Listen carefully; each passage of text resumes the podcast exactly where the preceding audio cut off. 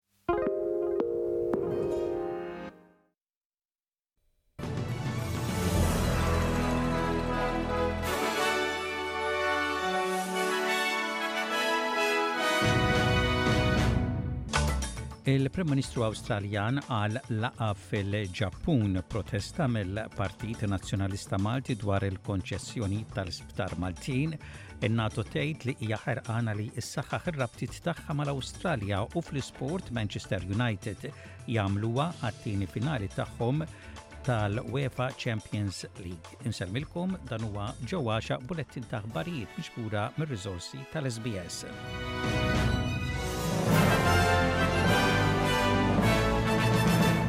Il-Prim Ministru Awstraljan Anthony Albanese sejjer il-Ġappun waqt fatt li l-mexxejja dinjija jinġabru f'Hiroshima għal laqgħa importanti. Għalkemm din mhix laqgħa bħala parti ta' seba' pajjiżi bl-akbar ekonomiji, il-Kanada, il-Ġermanja, l-Italja, il-Ġappun, ir-Renju Unit, l-Istati Uniti u l-Awstralja kienu mistiedna li jattendu. Il-Ministru ta' l-Agrikoltura Murray Watt qal lil Sky News li huwa importanti għall-Awstralja li tattendi laqgħa ta' din ix-xorta. I think it's a really good opportunity and great honour for Australia uh, and the Prime Minister to be invited as what's called an outreach partner to the G7. Uh, obviously, this is a meeting of the seven largest uh, liberal democracy economies in the world. Um, and while we're not quite that big, uh, it's incredibly important that we have the opportunity to present our views on a whole bunch of issues that are affecting our region and the world. So I'd expect the Prime Minister to be engaging in a range of conversations about security and trade issues. Fil-Parlament Malti il-Kap ta' l-Oppożizzjoni Bernard Grech qal li dawn huma żminijiet surreali bl-iżviluppi li seħħew xokkanti dwar il-ftehimiet ta' tliet sptarijiet Maltin. Qal li l-Gvern għadu sieket dwar l-investigazzjoni tal-ġurnalisti Maltin u barranin u sostna li qed jaħrab mill-verità li qed toħroġ Wara, Dottor Grech indirizza il-protesta organizzata mill-Partit Nazzjonalista fil-Belt Valletta. Qal li il-verità dwar il-konċessjoni ta' l-isptarijiet kixfitha Daphne Caruana Galizia u sostna li komplew jaħdmu fuqha fost l-oħrajn ġurnalisti Maltin u barranin, is-soċjetà ċivili, id-Deputat Nazzjonalista Adrian Delia bil-kawża fil-Qorti u l-eks Kap Nazzjonalista Simon Busuttil. Temm jgħid li xogħol il-Partit Nazzjonalista mhux lest u se jibqa'.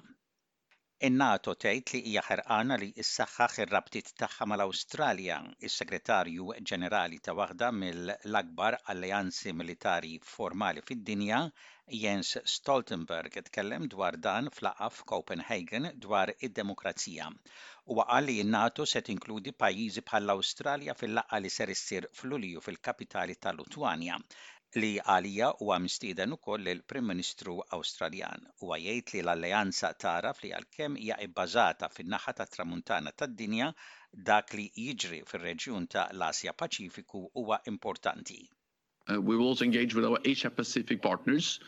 Uh, for the second time in our history, we will invite the heads of state and government from Japan, uh, South Korea, New Zealand, and Australia to participate. This demonstrates that we realize that what happens in Asia, in the Pacific, matters for NATO, and therefore we are strengthening our partnership with them. Rapport ġdid mill-Organizzazzjoni Meteorjoloġika Dinjija sab għall-ewwel darba li t-temperaturi globali x'aktarx jitilgħu 1.5 gradi Celsius fil-ħames snin li ġejjin. L-awtur ewlieni tar-rapport, Dottor Leon Hermanson, jgħid li dawn il-bidliet ikunu impossibbli li jitwarrbu.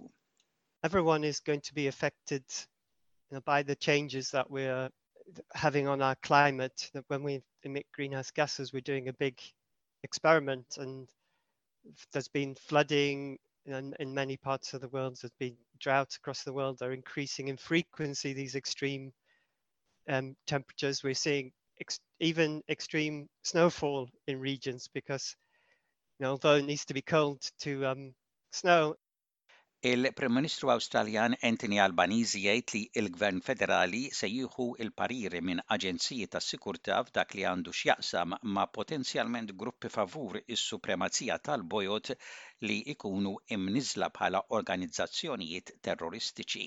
Iċ-Chairman tal-Kummissjoni kontra il-Malafama, Dmir Abramovic huwa fost dawk li qegħdin jitolbu li gruppi favur in-Naziżmu jkunu magħrufa bħala organizzazzjonijiet terroristiċi. Dan wara t-tieni każ ta' demonstrazzjonijiet li jippromwovu l-ideali Nazisti barra l-Parlament Statali fil-Victoria. Il-Prim Ministru Anthony Albanizi jgħid li m'hemmx tolleranza għal tattiċi ta' intimidazzjoni minn gruppi estremisti lemini u ma jaħsibhiex darbtejn li jadotta r-rakkomandazzjonijiet ta' aġenziji tas-sikurtà.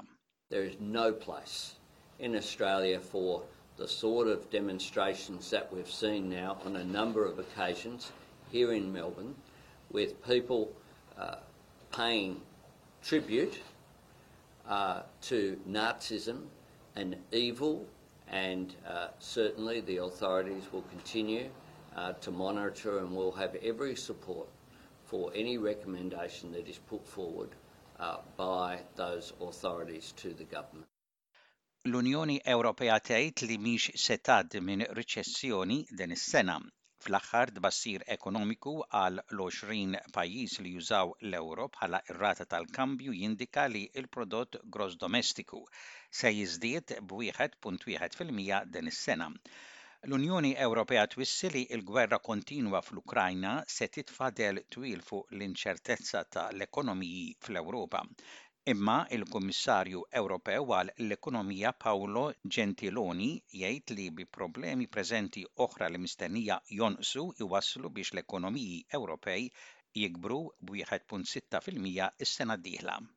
In 2024, growth is expected to gain strength, moderating inflation, continued employment and expansion, and strong wage growth are projected to boost households' real disposable incomes, leading to a rebound on private consumption. Gruppi tal-konsumaturi laqgħu l-aħbar ta' ċentru ġdid nazzjonali biex jaħdem kontra l-ingannar u l-qerq biex jinsterqu flus mingħand in-nies. Imma jgħid li meħtieġa jsiru aktar affarijiet biex jgħinu lin-nies fl-Awstralja li diġà tilfu flus jew ġew ingannati. Is-sena l-oħra in-nies fl-Awstralja tilfu tliet biljun dollaru li nsterqulhom b'qerq. Iċ-ċentru l-ġdid biex jilqa' għal qerq ta' din ix-xorta ser jibda jaħdem minn Lulju bl-għajnuna ta' 85 miljun dollaru b'fondi mill-Gvern Federali. Il-Kummissjoni Awstraljana tal-Kompetizzjoni u l-Konsumatur se tmexxi ċ-ċentru u se tkun taħdem mill-qrib ma' aġenziji tal-gvern, banek, kumpaniji tat-telekomunikazzjonijiet u platforms online. Il-Kap taċ-Ċentru tal-Liġi tal-Konsumatur, Stephanie Tonkin tgħid li ċentru bħal dan huwa tajjeb imma meħtieġa aktar azzjonijiet biex jgħinu lill-vittmi li jinsterqulhom il-flus b'qerq li jirkupraw daw il-flus. The toll on scam victims uh, is devastating. People are losing their entire life savings to scams. Uh, it's an emotional and financial toll that we hear on our frontline services every day. So, what we need to see is some action and some compensation for scams victims.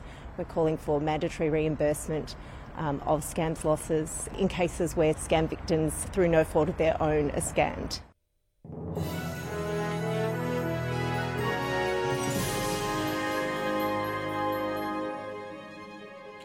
Fl-isport, Manchester City għamluwa għattin finali tagħhom fil-UEFA Champions League meta irnexxilhom jerbu lil Real Madrid bl-iskor ta' erba' bxejn biex għaddew bi skor ta' aggregate ta' b'wieħed. Fl-10 ta' Ġunju Manchester City se jiltaqgħu kontra Inter għall-finali li ser issir f'Istanbul. Is-sena li għaddiet Manchester City kienu tilfu ma' Real Madrid. Intemmu dal-bulletin ta' aħbarijiet parsa lejn ir-rapport ta' temp, temp xemxi mistenni f'Perth, f'Kembra, f'Wolongong, f'Sydney, fi Newcastle, fi Brisbane, f'Cairns u f'Darwin u ħalbiet tax-xita mistennija f'Adelaide, f'Melbourne u f'Hobart. Dak kien bulettin ta' aħbarijiet mir-radju ta' l-SBS sal-lum il-Ġimgħa, it-19 il-jum tax-xahar ta' Mejju tas-sena 2023.